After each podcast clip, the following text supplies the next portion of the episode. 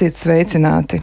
Ir tāds teiciens, mums paveiksies, ja piedzīvosim vecumu, tomēr vai vienmēr tā ir, vai tā ir veiksme, vai tā ir likumsakarība. Vecums nāk ne tikai ar viedumu, ar iespēju būt kopā ar bērniem, mazbērniem un mazmazbērniem, bet nāk arī reizēm ar vientulību, ar dažādām grūtībām, un gan fiziskām, gan emocionālām, un reizēm vienam cilvēkam tās pārvarēt ir teju neiespējami. Tāpēc arī ir nepieciešama palīdzība, un šodien mēģināsim vairāk runāt par to, kā palīdzību organizēt, kā to um, īstenot un kuri cilvēki tad to dara un kuri to darīs nākotnē un kāda vispār ir Latvijā situācija ar sociālo aprūpi un arī, protams, par to, vai sociālo aprūpi mēs varam izvēlēties kā pakalpojumu, cik lielas ir šīs iespējas un kā tad mēs tās varam izmantot. Ar jums kopā studijā pašlaik ir Kristiāna Lapiņa, par skaņu rūpēsies Iveta Zvejniece, bet raidījuma producenti ir Loreta Bērziņa. Un uzreiz arī pieteikšu studijas viesus. Pie mums studijā ir Latvijas samariešu apvienības direktors Andris Bērziņš. Sveicināt! Labdien! Un vēl esam arī sazvanījušies. Viešņi ir attālināti, bet tomēr ir kopā ar mums, un tā ir Latvijas sociālo darbinieku biedrības priekšsēdētāja Una Lapskalna. Sveicināti! Labrīt! Bet eh, pirms mēs sākam mūsu sarunu, es gribētu piedāvāt jums kādu ierakstu. Mans kolēģis Loreta Bērziņa un Nora Mitspapa ir sagatavojušas kādas eh, jau bijušās aprūpētājas Agneses Bondarevas eh, domas. Viņas ir parūpējušās par to, lai mēs uzzinātu, ko tad Agnese Bondareva domā par aprūpētāju situāciju un arī par situāciju kopumā, kā tas ir Latvijā. Klausāmies! Esmu strādājusi gan mājas aprūpē, gan pansionātā par aprūpētāju. Darbu mājas aprūpē pārtraucu dzīves vietas maiņas dēļ. Darbu veicu savu iekšējā aicinājuma vadīta. Lai arī darbs bija grūts fiziski, ļoti garas darba stundas līdz pat astoņiem vakarā, tomēr tas deva iekšēji ļoti lielu piepildījumu. Redzēju, cik ļoti cilvēkiem bija nepieciešams līdzās kāds, kurš dzird, sajūt šo vientuļo cilvēku iekšējās vajadzības. Kad apkārt dzīve mutuļo jauniem cilvēkiem tik daudz dažādu iespēju, kā pavadīt savu laiku. Tepat daudz dzīvokļu namos mīt šie cilvēki, kuri vientulībā pavada savas dienas un stundas bez saskarsmes ar citiem cilvēkiem. Bieži vien saskarsme ar tuviniekiem aprobežojas ar ēdiena un apģērba sarūpēšanu, bet tas šiem cilvēkiem nebija svarīgākais. Svarīgākais bija kāds, kurš ieklausās, dzird, kaut desmit minūtes pasēž līdzās, iedzer tēju, kopā paklusē, ir patiesi līdzās. Aprūpē esošie cilvēki bieži domā par nāvi. Viņiem ir ļoti baili. Īpaši, ja esi pavisam tuvu šai robežai, kad saproti, ka laiks beidzas šajā pasaulē, un ir tik svarīgi, ka ir kāds līdzās, ar kuru tu spēj sirdī dalīties šajās bailēs, kāda patiesi līdzcietīga sirds, kura saprot, patur roku un palīdz šķērsot šo robežu. Šodienas straujā ritmā tik ļoti ir zudusi spēja dzirdēt otru, Bieži tuvākie cilvēki ir kļuvuši par svešiniekiem, nošķirti fiziski, arī emocionāli. Pansionāta pieredze bija daudz, daudz smagāka. Emocionāli un fiziski ļoti smaga. Ļoti grūti bija redzēt dienu dienā mirstošos cilvēkus. Visa aprūpētāja darbs bija koncentrēts uz fizisko aprūpi, nomazgāt, paēdināt, apkopt. Ļoti smaga bija vispārējā atmosfēra pansionātā klusējošie cilvēki savās gultās, minimāla socializācija. Protams, daudz no šiem cilvēkiem arī nebija spējīgi jēgpilni socializēties, smagas demences un citas garīga rakstura problēmas. Darbu atstāja savā ziņā bezcerības dēļ. Nebija tādu iekšēju resursu un neredzēja nekādas iespējas, kā šeit kaut ko izmainīt. Neredzēja jēgu šim darbam. Sajūta bija galvenokārt tāda, ka šie cilvēki ir atstāti šeit nomirt. Pilnīga bezcerība. Kas būtu jādara, lai mēs ik viens atgūtu cilvēcību? Cilvēks ir augstākā vērtība šajā pasaulē, bet, ja tā tas patiesi ir, tad kādēļ šie cilvēki vieni nomirst savās mājās, pansionātos, kādēļ izaugot bērni ar vecākiem zaudē iekšējo saikni? Kas ir šodienas sabiedrības patiesās vērtības? Pašrealizācija, izklaide, ceļojumi, mājas, mašīnas, lielveikali, lieli koncerti, uz kurien mēs tā visi skrienam. Kādu dienu jau ik viens no mums tur būs mājas aprūpē vai pansionātā, jo tāda ir šodienas realitāte.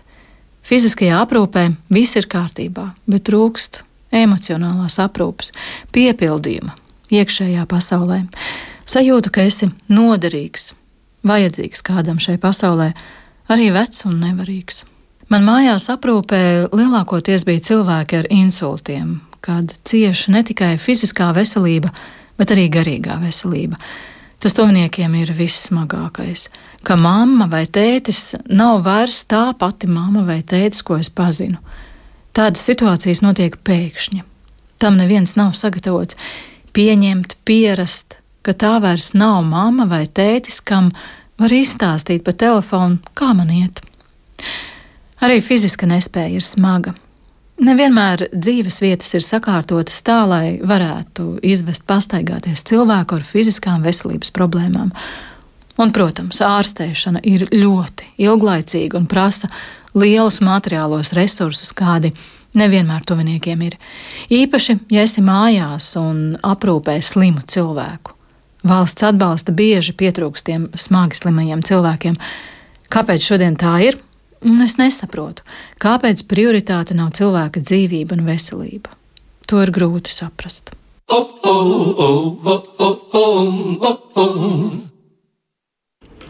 Mēs dzirdējām Agnēs Bondarevas domas un Jā, tur bija daudz ļoti būtisku lietu, bija ļoti daudz eh, smagu domu, un uh, mums ir īstais brīdis par to parunāt.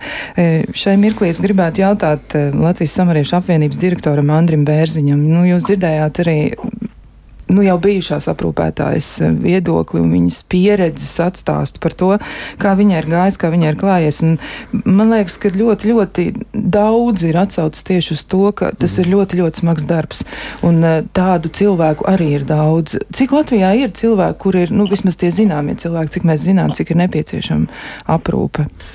Jā, nu īstenībā es ar tevi teikšu, ar, ar, ar paldies Agnesē, jo es ar sāku rakstīt tos atslēgas vārdus, par ko varētu parunāt, jā, jo, jo tur bija ārkārtīgi daudz, un es īstenībā droši, ka mēs varētu pavadīt vairākas dienas analizējot katru no viņiem, jā, bet, bet ja mēs skatāmies uz to, kas mums šobrīd ir, ir, ir tīri statistiski, jā, tad Tad tie cilvēki ar aprūpi mājās ir ap 12,000, 12, 13,000 Latvijā, un aprūpas centri dažādi veidi arī apmēram tāds pats līdzīgs skaits. Tā kā nu, ja mēs tā, tā orientējamies, tad tie būtu 25,000 cilvēku, kas, kas šo aprūpi saņem kaut kādā organizētā formā. Ja. Klasiski, nu, ja tā skatās to statistiku, tad, tad, tad cik, ir, cik ir šādu cilvēku vispār, ja, tad, tad, tad, tad es teiktu, ja, ja, ja šo vērtētu kā pietiekošu, ja, tad, tad, tad tādu cilvēku būtu virs 50 tūkstoši, jo puse no aprūpējumiem vienmēr aprūpēs piederīgie, un tā tā otra puse ir proporcionāli dalās, kā nu kurā valstī, kā nu kurā valstī tā aprūpas stratēģija ir. Latvijā, diemžēl, tā kā mēs tādus konkrētus skaitļus neesam pateikuši, jā, bet, bet, bet, ja mēs skatāmies tīri tādu uz nākotni, un ja mēs tādus Eiropas vidējās valsts skatāmies kā ekvivalentu, nu, tad Vācijā tas būtu tā, ka pusi no visiem aprūpējumiem aprūpē mājās, tad, tad, tad, tad 75% no tiem, kas ir tiem, kas tiek aprūpēti ar profesionāļiem, aprūpētājiem vai kaut kā organizēti, un tad 75% būtu aprūpēti dzīvesvietā, un 25% tikai aprūpas centros. Ja, un, un, un, un, un tas, ka mēs dzīvojam ilgāk, tas ir. Tas ir no vienas puses ļoti labi. Tas, ka mums ir tie veselīgie gadi, ir, ir, ir ļoti, ļoti labi, jo nu, visa sistēma strādā un arī veselības aprūpas sistēma palīdz, jā, bet, bet nu, skumjais stāsts jā, ir tas, kad, kad, kad, kad mēs šo supervecās nācijas brīdi sasniegsim nepat vairs ļoti tālu, jā, jau, jau, jau es teiktu, ka mēs mūsu 50 gadnieku statusā jau būsim šajā supervecajā nācijā, ka 30% iedzīvotāji ir vecumā virs 65, jā, virs, virs pensijas vecuma, un ja saskaita to, to 40. gadu, jā, kā, kā tādu atskaites punktu, tad mēs tad var tā saskaitīt tīri pēc aprūpas vajadzībām, tad Latvijā to cilvēku būs divreiz vairāk. Ja viņi tagad varētu būt ap 50 tūkstoši, tad, tad, tad, tad brīdī, nu, es runāju par senioriem, es nerunāju par cilvēkam ar invaliditāti, ja, tad, tad, tad to senioru būs virs 100 tūkstoši, 112, 114, tur ir dažādas tās aplēses. Un tad, protams, ja mēs eh, nesāksim rīkoties un nedomāsim, ko darīt jau tagad, tad, tad pēc 15, 20 gadiem tā, tā situācija būs daudz, daudz, daudz skarbāka. Tas neizklausās nu, tā iepriecinoši. Nākotnes prognoze tomēr ir diezgan drūma, bet tā ir ļoti realistiska. Nu, tā ir vienkārši savs statistika šobrīd. Tas pirmais jautājums bija par statistiku, tad atbildi ir par statistiku, bet, bet protams, samarieši mēs esam nu, Latvijā lielākā sociāla pakalpojuma sniedzēja organizācija un aprūpe ir, ir tas mūsu nu, pamata elements dažādu veidu aprūpe, gan aprūpe dzīvesvietā, gan, gan aprūpe aprūpes centros. Tāpēc, nu, tāpēc šis jautājums mums ļoti sāp un mēs arī domājam, ko darīt un, un kā darīt. Un, arī, arī, arī meklējam veidus, kā, kā, kā šo situāciju, kā šo dzīvi mainīt, lai mēs vispār tiktu ar, ar, ar šo izaicinājumu galā. Tātad jūs esat eh, tā nu, jaudīgākā organizācija savā ziņā arī pakalpojumu apjomu sniegšanas ziņā, tā sanāk. Es pat tagad vairs neatceros, cik mums ir tie reģistrētie pakalpojumi, bet bija virs 30. Bija 32 pēdējo reizi, kad es skatījos, jo tas, tas, tas process tagad nu, visu laiku ir dinamisks un attīstās. Jā, bet, bet jā, mums ir no 26 Latvijas novadiem, mums ir 40, eh, eh, es atvainojos, jā, mums ir, mums ir līguma par aprūpu mājās vairāk kā 20, jā, tā kā mēs esam. Mēs, mēs bijām 14. gadā tie, kas vispār padarīja aprūpi iespējamu vai aprūpi dzīvesvietā iespējamu lauku novados. Mēs ar savu aprūpes busiņu aizbraucām, redējām aprūpes centru uz riteņiem, jo tas bija arī manas, manas aumas uh, vajadzība, kad viņa savos 90 gados negāja prom no laukiem. Ja, mēs, mēs braucām katru nedēļu, mazgājām veļu un nesām ūdeni un darījām visu, kas bija nepieciešams.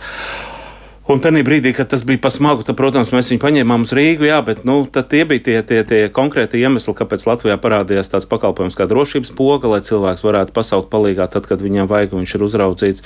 Tas bija tas brīdis, kad mēs ieviesām arī šo, šos mobilās aprūpas kompleksus un visus šos risinājumus. Tā kā, tā kā Latvija, nu, nevar, nevar teikt tā, ka, teikt, ka mums ir viss slikti, jā, mums ir ļoti daudz labas lietas, kas ir notikušas, un jo īpaši pēdējos desmit gados, jā, bet, bet protams, nu, tas, tas, tas, tas lielais izaicinājums, kas mums mums ir priekšā, nu, jā, es domāju, ka tur mums visiem būs ko, ko domāt.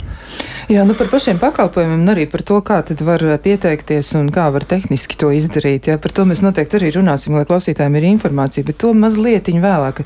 E, šiem mirklī es gribētu uzdot jautājumu arī Unai Lapskalnai, kur ir Latvijas sociālo darbinieku biedrības priekšsēdētāja. Nu, kā jums e, izskatās un ko jūs sadzirdējāt arī no, nu, iepriekš šī pieminētā fragmenta no Agnes Bonderevas, viņa mēģināja formulēt savas domas un arī, nu, tad noteikti arī jums ir kāda nu, kāda atsauce ja, par to, ko jūs dzirdējāt, un varbūt arī jūs varat raksturot to situāciju Latvijā, kāda tad tā ir no Latvijas eh, sociālo darbinieku eh, skatu punktu raugoties. Jā, nu man ir bijis tas gods strādāt Rīgas sociālajā dienestā tieši ar šo te pakalpojumu aprūpu mājās, un uh, esmu tikusies ar ļoti daudz šiem te senioriem, kur ir vajadzība pēc aprūpas bijusi, un tas mans novērojums ir tas, ka viņiem, tas jau, ko arī minēja sižetā, ka viņiem vajag draugu. Uh, ir A kampaņas par to, ka nav svešu bērnu, bet es gribētu teikt, ka mums ir jāsāk veidot kampaņu, ņemot vērā, cik mēs Latvijā esam maz iedzīvotāji, ka nav svešu cilvēku. Mums ir jāparūpējās arī par saviem kaimiņiem, ir tīpaši tagad, kad nāk ziema, kad ir viens sēds, kad mēs nezinām, kā tam senioram tur vienam pašam ietējā mājā. Līdz ar to man liekas, ka ir ļoti būtiski, ka mēs arī savus kaimiņus pieskatām. Un tas arī, ko jau sižetā minēja par to, ka tuvinieki aprūpē savus uh, tuviniekus, jā, tā ir realitāte. Man, diemžēl, pašai arī nācies saskarties ar to, ka jauns vīrietis, kuram ir ģimene, divi bērni, ir spiests pamest darbu, tāpēc, ka viņam ir jāaprūpē 90 plus gadus uh, veca mamma. Un tas ir traģiski kad uh, šim jaunajam cilvēkam ir par aprūpētāju algu jāmēģina nodrošināt savu bērni.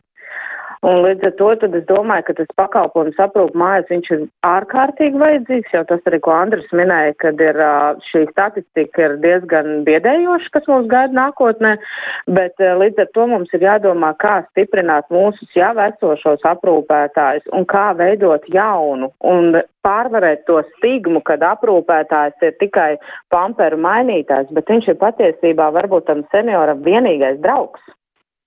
Un tās algas, kas šobrīd ir aprūpētājiem, ir ārkārtīgi neadekvātas, jo no viena aprūpētāja tiek gaidīts tik daudz, ka mēs, nu, es jau vienā diskutējā teicu, cik mēs paši esam gatavi pa kādu naudu nomainīt pieaugušam cilvēkam pamperu.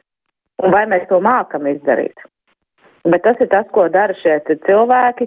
Dien dienā viņi maina pamperus, viņi ir draugi, viņi ir tādi tā kā uzticības personas, un viņš varbūt tas aprūpētais ir vienīgais cilvēks, kuram ir kontakts ar to vai nu personu ar invaliditāti vai arī senioram. Bet jāpiemina, ka aprūpi jau nav tikai senioriem vai invalīdiem. Mums ir arī daudz bērniņu, kuriem ir nepieciešama aprūpa. Un to, diemžēl, dara viņu vecāki galvenokārt.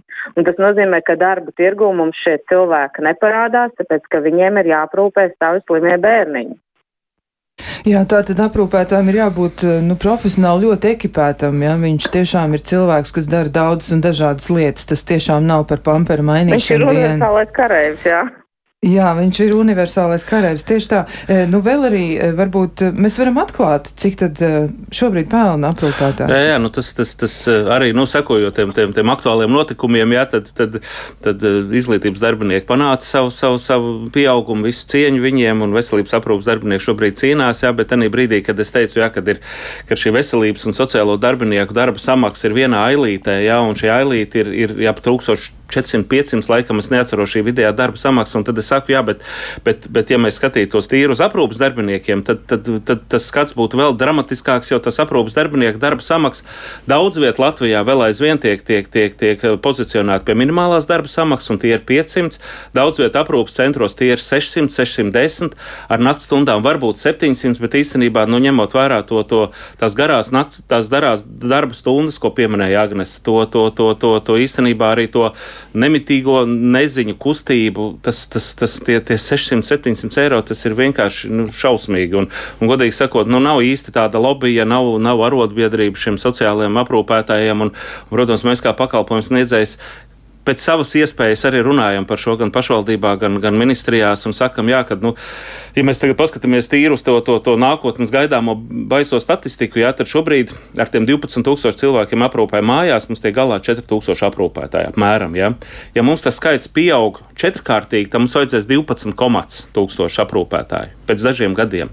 Aprūpētājs, tāds, tāds vidēji statistiskais aprūpētājs ir, ir, ir tikai 30% no viņiem ir vecumā līdz 55 gadiem. Tas ir, tas ir, tas ir lielākoties tā ir sieviete, 55 līdz 65, ja, un godīgi sakot, mums pat ir aprūpē strādā aptuveni 20% cilvēku, kas jau ir pensijas vecumā. Ja. Tā kā, nu, tas ir, tas ir, ja mēs tagad kaut ko nedarīsim, tad mums tie 14,000 nākotnes aprūpētāji tie būs ģimenes locekļi. Jo reāli tie, tie būs cilvēki, kas būs izrauti no, no, no darba tirgus, kā Una teica, ja būs, būs jauni cilvēki, kam būs jāprūpē savi vecāki, jo citu variantu jau nebūs. Jo... Jā, nu arī ar, ar tik ļoti trūcīgu materiālo resursu tas nozīmē, ka dzīves kvalitāte pasliktināsies gan šim cilvēkam, kurš aprūpē kādu, gan arī pašam aprūpējamajam nebūs tik nu, aprū, aprūpēja, aprūpētājs jau, jau pēc dažiem gadiem būs pensijas vecuma, un viņam tie ienākumi būs, būs kritiski zemi. Jā? Tā kā nu, mēs jau vienkārši radām vēl nākošo paudzi, kas nākošo pensionāru grupu, jā, kas, kas, kas būs ar ļoti zemiem ieņēmumiem. Nu, tā, tad, un vēl jau jāpiemina arī tas, ka nereti tāds aprūpētājs ir daudz bēdīgākā stāvoklī nekā tas eh, klients, pie kā viņas iet, bet viņas ir spiest strādāt. Jā, tāda ļoti nopietna lieta. Nu, šajā brīdī arī noteikti ir, ir tas īstais mirklis, par ko mēs te nerunāsim, jā, bet uzrunāt arī tos cilvēkus, kuri centīsies eh, kaut ko mainīt nākotnē. Nu, tad tas ir īstais brīdis jums ieklausīties un padomāt par to, kāda būs sabiedrība rīt, parīt, aizparīt pēc pieciem vai pēc desmit gadiem. Tie visi ir ļoti nopietni jautājumi un tie ir daudz, daudz lielāki jā, par, par šo vienu sarunu. Bet um, es gribētu uzdot arī tādus, nu, tādus praktiskus jautājumus, jo mēs pieteicām tematu arī, nu, arī par to, ja daļa no šī te temata temati ir veltīti tam, lai nu, saprastu, kā tad pieteikties pakalpojumam. Varbūt mazliet par to parunājam. Un tad, eh, nu, sāksim ar latviešu, la, latviešu pašu spēkiem, kā saka, un Latvijas samariešu apvienību. Ko tad mēs paši varam izdarīt? Nu, varbūt ne jau tikai jā. latvieši, ja mēs visi Latvijā dzīvojoši, tā man gribētu. Nu, es, es, es, es, protams, jā, nu, tā saruna mums sākās, nu, realistiski, nu, diezgan skarbi, protams, jā, nu, bet tāda ir bet tā, tā, ir. tā realitāte, jā, un, un vienkārši labāk viņu ir apzināties, eh, jo mums arī samariešu apvienībā mums bija 30 gadu jubileja, un tad mēs uzaicinājām politiķus un mazliet mazliet ar viņiem pateicām šo realitāti. Ja, un, un, un, godīgi sakot, tas mūsu lobbyis vai aprūpas jomas lobbyis šobrīd ir Eiropas Savienība dīvainā kārtā, jo, jo ir parādījusies minimālās darba samaksas direktīva, ir parādījusies Eiropas aprūpas stratēģija, ir parādījušies dokumenti, jo visa Eiropa domā par šiem jautājumiem, un tie ir dienas kārtībā Eiropā. Mēs šobrīd netiekam cauri saviem, saviem, saviem, saviem, savām barjerām, un tad nu, mēs ceram, ka, šie, šie, šie ārējie signāli mums palīdzēs mazliet to, to lauku izkustināt. Ja? Bet, bet ne, nu, kopumā ņemot jau, jau pa šiem gadiem Latvijā ir ļoti daudz labs noticis. Ja? Ir, ir manis jau pieminētā drošības poga, manis jau pieminētā mobilie aprūpas kompleksi. Ja? Mums ir, mums ir tagad digitālie risinājumi, par kuriem ļoti interesējās, teiksim, aprūpas organizācija, par kuriem interesējās Somija un, un Ukraina, kas, kas vēlās viņus ieviest pie sevis un pārņemt un nopirkt. Tā kā, tā kā mums, ir, mums ir inovācijas, ar ko mēs varam būt, būt lepni, jā, bet nu, pati tā bāze mums ir, mums ir velkās, velkās, diemžēl nav prioritāšu sarakstā. Un, un, un dabūt viņu prioritāšu sarakstā, tas ir, tas ir izaicinājums. Bet, ja mēs runājam par to, kā pieteikties vai kā šobrīd vēl, vēl, vēl, vēl esošo aprūpi saņemt, tad, tad, tad pareizais ceļš un ceļš, kas ir jāiet visiem, ir, ir, ir eh, sociālais dienests. Un proti, proti ir eh, tīri tā kā, tā kā pēc, pēc, pēc pašvaldības autonomajām funkcijām aprūpe ir viena no tām lietām, kas tiek nodrošināta visur Latvijā. Un, un arī ministrijā tiek runāts par minimālo pakalpojumu brozu, un aprūpe ir pirmais no viņiem, jā, vai aprūpe dzīvesvietā. Tā kā, tā kā varbūt ir dažas pašvaldības, kur vēl šis tiek organizēts pabalsta veidā vai atbalsta veidā radiniekiem, jā, bet jebkurā gadījumā tas solis uz to, ka aprūpe ir visur, ir jau tuvu beigām, jo principā aprūpe ir visur. Un, un katrā pašvaldībā, katras pašvaldības sociālajiem dienestam ir jāpasaka tas veids, kā cilvēks šo, šo aprūpi mājās vai aprūpi institūcijā var saņemt. Proti, viņš, viņš eh, saka, man, man es netieku galā, tad eh, klasiskā kārtība, kad sociālā dienesta darbinieks nāk ar, ar izvērtēšanas anketu, viņš pārliecinās, kas ir tās lietas, ko cilvēks netiek galā, kas ir tās pašaprūpas spēja deficīti, identificē tos darbus, kas būtu jādara. Un tad, protams, tās pašvaldības ir atšķirīgas. Jā. Vienā pašvaldībā ir, ir, ir, ir, ir strikta uzskaita pa darbiem, citā pašvaldībā, nu, nesauksim tagad vārdā, jā, bet, bet ir jau Agnes pieminētā, kā tas ir arī Vācijā, kad, kad šis darbs viena stunda dzert tēju ir iekļauts kā, kā, kā aktivitāte. Jā. Jo ļoti daudz daudzās eh, vietās eh, tējas dzeršana tiek uzskatīta kā neliederīga laika pavadīšana no aprūpētāja viedokļa. Ja? Nu, tas ir tāds, nu, cik daudz mums to resursu ir, tā mēs viņus lietojam, bet, bet, bet, bet citu, citu vietu pasaulē ir saprasts, ja, kad, kad ne tikai nomainīts pampers ir svarīgs, bet arī šis, šis brīdis uzmanības un šī saruna ir ļoti svarīga. Un tāpēc, tāpēc sociālais dienas veids šo izvērtēšanu, viņš saprot, kas, kāds, kāds ir tas vajadzība apjoms un kas ir tie darāmie darbi, un tad viņš informē, nu, vai nu pašam, pašā, pašai pašvaldībai, pašvaldībā ir aprūpas dienas vai arī sadarbība ar kādu no pakalpojumu sniedzējiem, tā skaitā ar samariešiem, jo mēs esam daudz šādas organizācijas, un tajā brīdī nu, tam cilvēkam ir, ir, ir, ir, ir, ir, ir iespēja šo pakalpojumu saņemt nu, no kāda no šiem, šiem, šiem iesaistītajām pusēm. Tā tad eh, viss tas sākas ar sociālo darbinieku. Varbūt var arī Una Lapskāna mums precizēt. Nu, tad, tad pieņemsim, iedomāsimies reālu situāciju. Tā tad ir, ir vecmāmuļa, viņai ir eh, sašķobījusies veselība, un ir skaidrs, ka ir jābūt kādam, kas viņai būs blakus. Ja, un, un ir grūti viņai, un viņa nevar pati sev aprūpēt. Tātad, nu, tā, tā ir realitāte. Tātad, pieņem, un kādam šī realitāte sāksies šodien? Ja? Jā. Nu, tā būs. Nu, un, un tepat nav svarīgi, vai to signālu pasaka pati vecmāmiņa, bet tie var būt arī bērni, tie var būt arī kaimiņi, tas var būt arī ģimenes ārsts. Tātad, ja visi, kurš visi cilvēks, cilvēki, pamana, kas pamana šo situāciju, nu es teiktu, pareizais ceļš ir ceļš uz sociālo dienestu. Labi, nu tad tomēr jautāsim arī Unai, lai viņa vēl tad precizē ja, no savas puses. Nu, tad es pilnīgi, jā, Andrim ir pilnīgi taisnība. Tas signāls sociālajiem dienestam nāk no jebkura cilvēka, jo jāatzīst arī to, ka mūsu latviešu mentalitāte mums tomēr drusku dod tādu bažu vērsties pēc palīdzības, jo nereti cilvēks tāds, nu es jau vēl pats, es jau vēl pats, respektīvi cilvēki mēdz būt nekritiski pret savu stāvokli, kādā viņš šobrīd ir. Līdz ar to mums ir ļoti svarīgi, kad šo te signālu dod arī kaimiņi, ģimenes ārsti, draugi, rādi, un ne tikai gaida, ka no, šī, no cilvēka cilvēks pats sapratīs, ka viņam ir nepieciešama palīdzība, jo dementi cilvēki nevienmēr saprot to, ka viņi viņam ir nepieciešama palīdzība. Viņš dzīvo savā realitātē, viņš uh, ir ļoti atrauc no ikdienas, līdz ar to tad tie līdzcilvēki ir tas uh, signāls, kas mums atnāk un mēs esam gatavi reaģēt uz šādām te jautājumiem. Nu, tā tad jebkurš cilvēks dod ziņu, jā, mm -hmm. un tad tālāk jā. arī tad tā situācija tiek risināta. Es, es gribu pieminēt visi tie, kas mūs klausās un kam ir šādi cilvēki mājās, kaimiņos, redzeslokā, zinām un tā tālāk noteikti pazvaniet uz sociālo dienestu. Un, ja jums pirmajā brīdī, jo cilvēki arī sociālos dienestos ir dažādi, un garastāvokļi mēdz būt dažādi, un arī, un arī, uh, arī gatavība kaut ko darīt mēdz būt atšķirīga, jā, bet, bet, bet nu, mēs vienmēr iesakām, ja, ja, ja, ja tu jūti, ka īsti netiec uz priekšu, uzrakst rakstiski. Ja? Un, un tas vienmēr palīdz, ja, jo uz rakstisku iesniegumu ir jāatbild, ja, un tāpēc, tāpēc jautājums. Bet, bet, bet lielākoties jau sociālos dienestos cilvēki zina, kas viņam jādara. Viņi arī pieņem šos šo zvanus un arī un ir at, attiecīgi reaģē. Jā, un vēl gribēju kaut ko vienu gribēju komentāru, jā, kad uh, pirmām kārtām ir ļoti būtiski arī šo te cilvēku runāt ar viņu. Viens, tātad divas lietas, viens var arī caur pakalpojumu sniedzēju, nu, kaut vai samariešu apvienībai arī var signalizēt par to, ka ir aprūpējums cilvēks. Mēs pēc tam sadarbojamies ar šo te organizāciju. Un otrs vēl ir tas, ka uh, cilvēkam ir jāpiekrīt šim pakalpojumam. Mūsu fantastiskā likumdošana, kas šobrīd pastāv valstī, uh, pat ja cilvēkam ir šī te vajadzība un viņš noliek, ka viņam šī aprūpe ir vajadzīga, mums ir ļoti jāstrādā uz šo cilvēku, lai viņu pārliecinātu, ka viņam tiešām šis pakalpojums ir vajadzīgs, jo bez viņa piekrišanas mēs arī neko nevaram izdarīt. Tas ir tas, ko bieži vien tuvinieki nevar saprast par to, ka, a, kā mēs jums teicām, jūs izdarījāt, tad cilvēkam nekas nenotiek. Tāpēc, ka cilvēks atsakās. Un tad ir tas smagais darbs ar šo cilvēku, pārliecināt viņu, ka šis pakalpojums tiešām viņam nāks par labu. Jo vēlreiz uzsver, bez cilvēka piekrišanas mēs sociālajie darbinieki esam sasietām rokām. Jā, tā tad par to noteikti ir jādomā. Mums ir kāds klausītājs zvans. Mēs varam arī uzklausīt. Lūdzu, tā tūliņ arī. Klausīsimies. Jā, mēs jūs dzirdam. Vai jūs dzirdat arī mūs? Dzirdu. Labrīt. Jā, labrīt. Uh, es esmu aprūpētāja un es ļoti gribēju sazvanīt. Uh, es esmu darbinieks mājaprūpē un realitāte ir daudz skarbāka, kā jūs stāstat. Man kā mājaprūpas darbiniekam pašvaldība, es nesaukšu kuru tieši, samaksā 4,63 eiro par stundu, kurā ir iekļauti degvielas izdevumi, uh, ar piebildu, ka es mēnesī nobraucu 1400 km, jo es braukāju pie cilvēkiem laukos.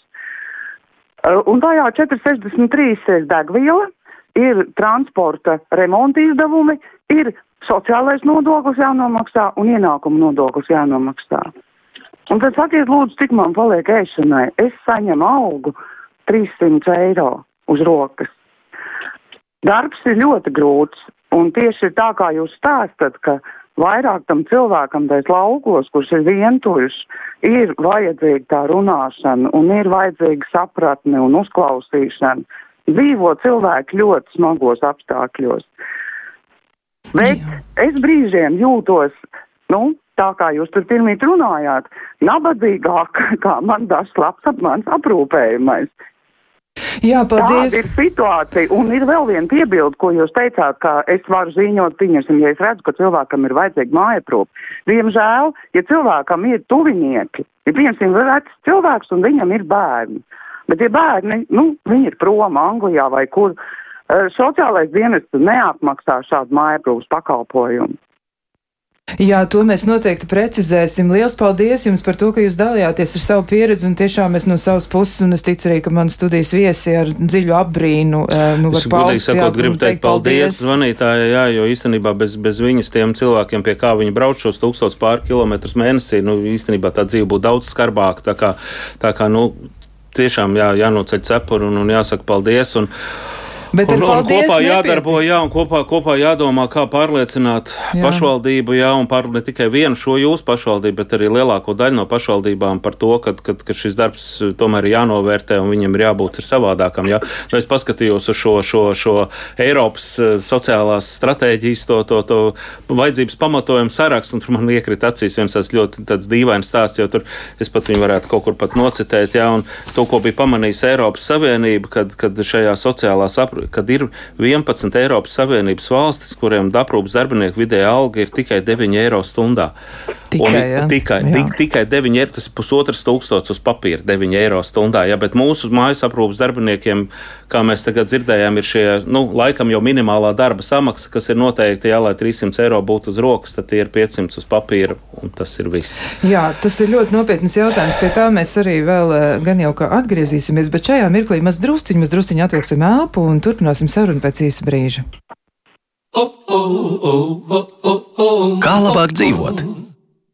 Turpinām sarunu par to, kā saņemt sociālo aprūpi, kā pieteikties un arī kādas pakalpojumus varētu saņemt, un, protams, arī par to, cik ļoti liels grūtības eh, reizēm sagādā aprūpe, aprūpe mājās, tuvinieka eh, aprūpēšana visu turpmāko dzīves laiku, iespējams, tieši tā arī ar to būtu jārēķinās, tā tas arī notiek.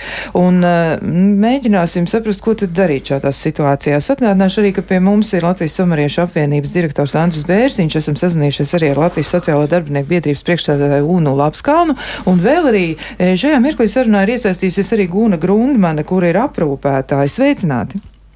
Labdien! Nu, lūk, man, eh, Guna, jums arī jautājums ir. Varbūt jūs varētu ieskicēt, kāda ir tā reālā situācija, jo, eh, nu, arī Bērziņkungs stāstīja par to, ka ir, piemēram, darba laiks, kas ir noteikts, ja tur ir arī samaksa, kas ir absolūti nepietiekama. Mēs to saprotam, ka tā situācija ir katastrofāla, jo aprūpētājs tādā gadījumā, nu, vispār gandrīz nav spējīgs parūpēties par sevi ar tik ļoti ierobežot finansiālo resursu, bet viņš veic ārkārtīgi smagu darbu, kurš piedāvājumi ir arī gan psihoemocionāli, gan arī citās nozīmēs ļoti, ļoti sarežģīts reizēm. Ko jūs varētu pateikt par to, kas ir tie galvenie izaicinājumi jums kā cilvēkam, kurš šobrīd ar to nodarbojas? Nu, strādāju šajā jomā jau tikpat kā deviņus gadus. Uh, tas ir milzīgs, milzīgs sirds darbs, kas ir jāsaka numur viens. Jo nevar nolikt tam pretī algu, samaksu aprūpētāju un to darbu, jo tas ir jādara no sirds. Un tā ir vajadzīga milzīga atdeve, milzīga enerģija darot šo darbu, jo tas nav tikai tīri, teiksim, tu aizēji, tu izdari savas kaut kādas lietas, apgriezies un ej mājās. Nē. Tur ir vajadzīga mīlestība pret šo cilvēku, ļoti īpaša pieeja. Tas ir ļoti īpašs darbs.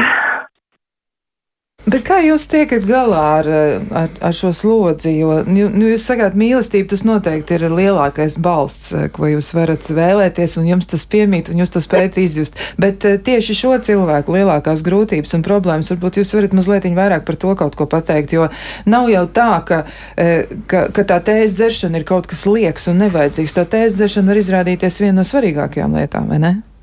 Jā, tieši tā arī ir. Jo ļoti bieži ir situācija aizbraucot ikdienā darot savu aprūpas darbiņu, cilvēks saka, nu pasēžam šodien, vienkārši padzeram tēju un neko nedaram. Tas ir pats svarīgākais, jo tie cilvēki tiešām ir vientuļi. Un ir situācija, es esmu satikusies ar cilvēku, kurš dzīvo piektajā stāvā, viņai palika 99 gadi tai sievietei, un viņa laukā nav bijusi gandrīz 30 gadus jo viņa fiziski to nevar izdarīt. Un viņa dzīvo mājā, kurā nav lifts. Tādi ir apstākļi, tāda ir realitāte. Un tāpat dziļie lauki, cilvēki, kuri ir viensētās, uh, nav stāsts par bērniem, kuri negribētu palīdzēt. Bērni nevar palīdzēt. Ja viņš dzīvo ārzemēs, kā viņš spēj tam senioram palīdzēt, viņš nevar būt turklāt. Tāpēc ir vajadzīga mājas aprūpe. Ļoti, ļoti, ļoti tā ir nepieciešama. Jā, noteikti tas ir kas tāds, kas būtu jāmēģina virzīt nu, tālāk. Varbūt arī jūs no savas puses varētu pateikt vēl pāris lietas, kam jūsuprāt būtu vēl jāmainās. Ko jūs sagaidāt kā šīs jomas pārstāvi, kur dara tiešām ļoti svarīgu darbu? Tas, ko jūs pastāstījāt, tas tiešām liek, liek sirdī sarauties. Ko jūs teiktu, kam ir jāmainās un jāmainās steidzami? Bez atalgojuma, man liekas, ka tas ir kaut kas tāds, kas mums visiem ir skaidrs, bet kam vēl būtu jāmainās jūsuprāt? Nu, man gribās teikt, ka pirmkārt jāsāk tas ir kārtot jau valstiskā līmenī. Kad mūsu valdībai ir jāsāk domāt, tiešām reāli iesaistīties šajā situācijā, kas notiek ar senioriem, jo mēs, tā kā jūs jau raidījumā runājāt, mēs visi kādreiz tur būsim. Mēs visi būsim seniori un visi gribēsim šo palīdzību. Tāpēc es uzskatu, ka numur viens ir jāiesaistās jau mūsu valdībai, jāsāk reāli rīkoties, tiešām arī ar finansiālo atbalstu, tādā veidā piesaistīt vēl noteikti informēt cilvēkus, informēt jauno paudzi par realitāti. Jo kamēr es šo darbu nestrādāju, es tiešām nezināju, kas ir vecums un cik tas ir vientuļi un kā šiem senioriem ir vajadzīga tā palīdzība, jebkāda. Tāpēc ļoti vajadzētu arī informēt sabiedrību tā kārtīgi, skaļi, lai mūs sadzird, kad ir vajadzīga šī palīdzība. Paldies jums liels, paldies eh, par to, ka dalījāties ar savām domām un dalījāties ar savu pieredzi. Un tā bija Guna Grundmane, kura ir aprūpētā un strādā šobrīd ar cilvēkiem, kuriem ir nepieciešama mājas aprūpe. Un uh, ir vērts ieklausīties viņas vārdos, un man tiešām neiziet no prāta arī nu, tas laiks, 30 gadus cilvēks mm -hmm. nav varējis iziet ārā, un nav lifta, un nav tās iespējas. Nu, nav. Nu, jā, nu, tie, tie, tie stāsti kādreiz ir tādi, kad, kad, kad, kad saceļās viss, kas var spalviņas, kas var sacelties, un mums bijuši stāsti, kur cilvēks galvu mazgā tikai, tikai vasaras sezonā, jo viņam nav ūdens, jā, kur nomazgāties. Un, un, un, un, un, un cilvēki nav bijuši tiešām nu, ārpus sava māju un, un, un veikalu, kas iebrauc sētā gadu desmitiem. Jā, tas, ir, nu, tas bija viens no tiem, tiem iemesliem, kādēļ mēs tajā brīdī, kad mēs sākām ar, ar šo aprūpu lauku novados, mēs sākām šo projektu Vecums nav vientulība, jā, un, un, un uzlikām sev par mērķi dot iespēju katram no šiem senioriem vismaz vienreiz vai divreiz gadā uzvilkt savu tīrāko kreklu un, un kopā ar brīvprātīgiem aiziet sabiedrībā. Tas nav aprūpes ietvaros, jā, jo tas tā kā, tā kā, tā kā nav, nav atzīts, jā, bet, bet īstenībā ļoti, ļoti tiek novērtēts no senioru puses un ļoti tiek gaidīts. Covid mums šo visu izslēdza. Uz kaut kādiem pāris gadiem mums bija klusums un ārkārtīgi grūti bija dabūt, dabūt šos pārliecināt brīvprātīgos, kas arī bija godīgi sakot aprūpētāju ģimenes, kas sākumā, jā, tagad, tagad, protams, tur parādījās arotskolas, kas bija gatavs attaisīt akas, tad, tad tagad pirms nedēļas mēs sākām sadarbību ar Lidlu, jā, par, par, par šiem, šiem ziedojumiem, kas ir mērķēti priekš tieši vecums nav vientulība, lai palīdzētu tīra tādām mantiskām lietām senioriem, jo, jo nav jau tikai šī aprūpe, ir jau arī ļoti daudz tādas praktiskas lietas, gultas veļa nav mainīta arī gadu desmitiem. Tā kā ir ļoti daudz lietas, kas, ir, kas, kas nāk visas kopā, un, un, un tu jau nevari tikai, tikai, tikai ienākt, uzzipsnīt uz 15, 20 minūtēm un pazust. Tu vienkārši esi ar šo cilvēku uzņemies to atbildību, un kā Guna, Guna stāstīja, tas ir sirds darbs, ja, un ja šī sirds ir, un sirds, sirds ir pareizā vietā, un es īstenībā gribu cerēt un gribu ticēt, ka visiem aprūpētājiem tas tā ir. Droši vien, ka cilvēki mēs arī esam dažādi, bet man ļoti gribētos, lai tas tā būtu, un, un tur ir ļoti daudz kas jādara, lai mēs tiešām, nu, arī, arī Gunas pieminētajā valstiskajā līmenī šo, šo, šo aprūpas jautājumu iznestu kā prioritāti, un lai mēs varētu apzināties to, ka, jā, nu, ja mēs tagad necelsim prestižu, necelsim atalgojumu, nerunāsim ar, ar jauniem cilvēkiem, nepārliecināsim par šo, jo, jo palīdzēt cilvēkiem ir tāda dabiska vajadzība un tā dabiska spēja un atrast šos cilvēkus un pārliecināt viņus un motivēt viņus iesaistīties šajā visā. Nu, tur ir ļoti daudz izaicinājumu, jā, bet, bet, bet viņus vajag darīt steidzami, jo, jo jā, nu, tie 50 gadnieki, kas, kas mēs daudz esam, 50, 60, pēc 10, 15 gadiem, vienīgi vienīgie mūsu aprūpētāji būs mūsu bērni. Un, ja mēs neko nedarīsim, tad, tad tas, tā, tas tā, diemžēl, būs. Jā, mums ir ļoti daudz zvanu. Mēs noteikti uz visiem nespēsim atbildēt, bet vismaz uz kādu mēs varam mēģināt. Un te nu mums arī ir iespēja. Mēs jūs klausāmies. Uh, labdien!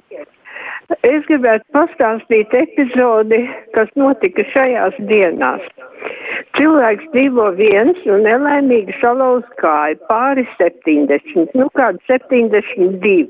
Nokļūst slimnīcā un izējot no slimnīcas ir e, gūtas režīms un vajag kādu palīdzību. Un tiek zvanīts sociālam dienestam, bet dienas pasaka tā, ziniet, atneziet vispirms uh, izrakstu no konta, tad mēs divu nedēļu laikā izskatīsim. Un, bet viņa ir tiek rakstīta ārā no slimnīcas, un viņai vajag tūlīt vienkārši atnākt cilvēkam palīdzēt pirmajā momentā, lai pierastu ar vienu kāju kaut ko padarīt, aiziet līdz plītī, izgatavot ēst, nu kādu palīdzību nomazgāties, bet viņai atbild ra, la, tikai izrakst no konta, tad mēs varam runāt, un tālāk mēs varam arī kaut ko darīt. Nu, ko lai tādā situācijā dara? Nu, pilnīgi viņai bezcerība ir. Jā, paldies, paldies jums par jautājumu, un uh, mēs noteikti arī mēģināsim tūliņ atrast atbildi. Es te, nu, varu ātri atbildēt. Jā. Es domāju, ka mēs visi šeit varam atbildēt. Jo, jā. protams, tas nav visās pašvaldībās, bet, bet, bet šī, šī ienākuma līdzekļu izvērtēšana ir, ir otrs darbs, kas ir jāveic sociālam dienestam. Pirmais darbs būtu jāveic, teiksim, šī, šī vajadzības apzināšana, un pareizais risinājums jau būtu, un lielākā daļā vai daudzās pašvaldībās ir šī sadarbība veselības aprūpas iestādēm, kad veselības veselības aprūpas iestādēs ir arī ir sociālais darbinieks, un pareizais ceļš būtu, ka viņš jau to brīdi būtu pamanījis iepriekš, viņš jau būtu painformējis sociālo dienestu, ka šāds cilvēks mājās atgriezīsies, ka viņam palīdzība būs nepieciešama. Tas būtu pareizais ceļš. Ja? Vai viņš visur strādā, un tas ir tas labais jautājums. Ja? Diemžēl man laikam klausoties arī šo, šo ziņu, jāsacina, ka nē, bet mums tomēr būtu jāmēģina darīt viss iespējamais, lai viņš maksimāli nostrādātu. Un otrs variants, nu vismaz es zinu par Rīgas pašvaldību, nu mums ir tāda ārkārtas aprūpe, ja, kad, kad, kad piekdienas vakarā izrakstoties no slimnīcas, varbūt pazvanīt aprūpas pakalpojumu sniedzējiem, un mums ir jāvar noreaģēt ar tūlītēju palīdzību. Bet tas, protams, zvans nāk no sociālā dienesta, un jebkurā gadījumā sociālajos dienestos būtu jāpadomā par šādām situācijām. Ja tā nav Rīga, jā, jo tā varētu būt, kad ir kāda cita no pašvaldībām, jo nu, tās situācijas jau visur ir. Jā, un tad jāpadomā, ko darīt šādās situācijās. Un caur aprūpas dienestiem, caur aprūpas pakalpojumu sniedzējiem ir jābūt risinājumam. Nu, pilnīgi viennozīmīgi. Un tad pēc tam jāsāk vērtēt konta stāvoklis un viss pārējais. Jā, nu tā tad eh, tam nevajadzētu būt tam prioritārajam darbam, ja tas, protams, kaut kur prātā paliek, bet tas noteikti nav tas, kas ir eh, jādara tajā brīdī. Tā tad eh, tomēr, mm. nu, vēl, vēl aktīvāk jācenšas kādu atrast, varbūt vēl jāmeklē kāds cilvēks, varbūt kāds mazdrusciņ jaunāks, aktīvāks, kas, nu, vēl var iesaistīties. Un droši vien tie arī sociālajiem dienestiem ir ko teikt un sociālajiem darbiniekiem, jo, jo, jo Jo jā, nu, šī ir tāda lieta, kur, ko, ko, ko mēs arī esam runājuši un tikko samariešu minētajā konferencē par, par, par sociālo darbu un sociālā darba nākotni runājam nu, par šīm metodēm, kādām metodēm sociālais darbinieks tiek pie, šī, pie šīs atbildes jā, vai pie šī sava lēmuma. Jā, nu mums ir vēl kāds klausītājs zvans, un mēs arī šobrīd varam uzklausīt lūdzu. Labrīt! Es jau strādāju par aprūpētāju 11 gadus. Man ir mamma, kura nestaigā un ir atkarīga visās mājas darbībās. Es jums pateikšu, ka 213 eiro, ko dod pabalstu, tā jau nav samaksa, jo tā naudiņa aiziet zālēs, pamperos, dzīvokļa īres apmaksā un dažādās vajadzībās. Tagad ir tā, ka personai, kur ir aprūpējami, ir ceturtais stāvs arī ļoti liels grūtības ir izvest ārā pastaigāties, un darba stāžās šie 11 gadi netiks ieskaitīti. Un jāgatavo ir pusdienas, jāiet uz aptieku pēc zālēm, jāved pacienti uz slimnīcu pēc analīzēm, dažādiem mm, e, medicīniskām manipulācijām, kuras ir e, jāizpilda. Nu, pat mēs bijām kuldīgā pie ergoterapeites, jo Ventspilī izrādās neviens ergoterapeits nenāk mājas vizītēs apkalpot, lai pagarinātu grupu pacientei. Tātad ļoti daudz dažādu darbu un šī tējas dzeršana, viņa jau vēd pusotras stundas, gan brokastis, gan pusdienas, gan vakariņas, jā, un tas tiešām ir liels darbs mazgāt cilvēku paēdināt, zāles, pamperus, viss medicīniskās aprūpes, iet uz veikalu iepirkties un pagatavot arī pusdienas brokastis un vakariņas. Nu, brīvais laiks ir ļoti maz, jo tāpēc, ka nepārtrauci ir uh, darbs un arī ir uh, insulīna, cukuru diabēts, ir jāraugās, lai tiktu iešpricēts laikā injekcijas, lai cilvēks pēstu laikā un jau skop dzīvoklis. Lūk, kāds darbs ir aprūpētēm. Paldies! Uz redzēšanos. Jā, tā tad ļoti daudz dažādu funkciju ir jāveic aprūpētājiem. Tiešām tas pats nosaukums laikam ļoti maldina. Jā, jā. Nē, nu, tas, tas, tas, ko mēs dzirdējām, īstenībā tas ir viens no Eiropas, eh, ko mēs arī jau desmit gadus Latvijā runājam ar, ar mūsu politiskajām, politiskajiem nākotnes ministrijām un esošajiem ministrijām par to, ka šo neformālo aprūpētāju, jo šis bija stāsts, kad radinieks ir šis aprūpētājs. Nu, par to, ko mēs runājam, ja nebūs tāda profesionāla aprūpētāja, tad tā neformāla aprūpe ir vienīgais veids, kā, šī, kā, kā šo aprūpi vispār vispār nodrošināt. Un, un, un atbalsta sistēmu šiem neformālajiem aprūpētājiem Latvijā jau praktiski nav. Ja? Un, un, un pasaulē ir, ir pieredzes, ir, ir, ir veselas politikas, kur ir mācība, kur ir attālpas brīži, kur ir ieskaitīšana stāžā, kur ir attaisnota izdevuma, kur ir, kur vesela politikas pakete, kas, kas, kas būtu atbalsta instruments šiem, šiem, šiem cilvēkiem. Bet nu, Latvijā kaut kā mums nav izdevies vienkārši arī šo jautājumu iekustināt. Ja, kā, tā kā, tā kā vēl viena vēl vien, vēl vien raidījuma stunda varētu pavadīt runājot arī tīri par šo neformālās aprūpas bloku.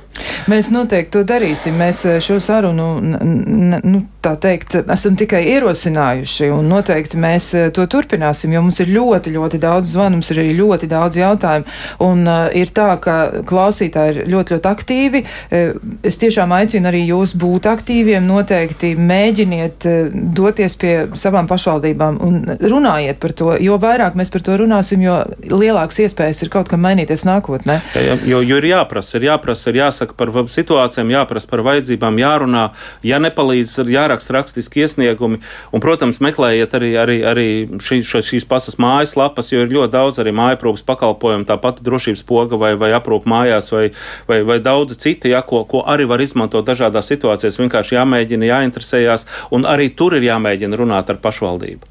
Jā, nu ir tā, ka klausītājiem arī ir dažāda pieredze, un viena no klausītājiem raksta laiku, savā laikā bija kopusi uh, guļošu māmu, un uh, kad vairs netiku galā, tad bija jāstrādā, nu, arī viss, vis kaut kas bija jādara, ja vienlaiks, un arī tad viņa pieteikusies ir rindā uz aprūpsnām, un savu rindu tā arī nesagaidījām, mamma nomira. Gaidījām pusotru gadu. Protams, mamma iekārtojām privātajā aprūpas namā, un par ko liels paldies, jo viņa bija ļoti, ļoti sirsnīga šī te aprūpa. Un vēl arī ir, nu, par, par attiecībām, protams, ja, ka viens no klausītājiem saka, tā izteikšos skarbi, bet šajā laikā arī ir jāpadomā, ko cilvēks ir darījis dzīves laikā, lai koptu attiecības ar bērniem, jo bērns jau neaug pats, bet viņu audzina. Tāpēc nav ko pārmest bērniem, un es domāju, ka veci cilvēki vairs nespēja cieņpilni aiziet, jo medicīna tikai pagarina to mirkli, kad bija jau sen jāaiziet. Nu, te man būs varbūt citas domas, ja es domāju, ka dzīves kvalitāte noteikti ir jānodrošina līdz pat pēdējai minūtei, kas mums ir lemta šajā pasaulē. Attiecības arī ir jākop, tas arī ir skaidrs, un ja mamma vai mm. ir tāds kašķu polis, nu jāmēģina saprast, kā to tik galā. Bet Kāda saruna... mēs vēl paši būsim? Jā, Kādi ne, mēs nu, vēl paši man, man, būsim, man vēl maz, maz iestarpinājums par aprūpas namiem, jā, un arī šeit mēs esam īstenībā liels platus soļus spēruši īpaši pēdējos gados, jo, ja kādreiz mums bija šie slimnīcas tipa aprūpas centri, kur tiešām bija, bija istaba un, un, un gulta un, un, un ļoti retas socializācijas nodarbības, tad tagad ir ģimenes tipa pieeja, ģimenes tipa aprūpas centri samariešiem ar tāds ir, jā, un es zinu, ka, ka šobrīd ar atveseļošanas instrumentu daudzās pašvaldībās tādi tiek veidoti, jā, tā kā, nu, šeit ir, šeit ir, šeit arī ir, ir, ir gan telpas, gan vide, gan, gan apstākļi tiek, tiek me, meklēti un veidoti, pārņemot šo pasaules pieredzi, lai arī šajos aprūpas centros dzīve būtu nevis tikai tāda, nu, no rīta pamodies, sakopies un slimo vai veco, noveco tālāk, bet arī tur tā dzīve tomēr turpinātos, neskatoties uz visām grūtībām. Jā, šeit mirklī saruna mums ir jābeidz, bet noteikti mēs paturēsim prātā visus šos jautājumus un centīsimies arī rast atbildes turpmāk un eh, noteikti, noteikti turpināsim šo tematu. Šai mirklī teikšu paldies Latvijas Samāriešu apvienības direktoram Andrim Bērziņam, arī Latvijas sociālo darbinieku biedrības priekšstādātāja Unai Lapskalnai. Noteikti arī paldies Agnesē Bondarevai, kur dalījās ar savām domām, Gunai Grundmanai un arī aprūpētājiem, kas zvanīja un stāstīja par to, kāda tad ir dzīve patiesībā.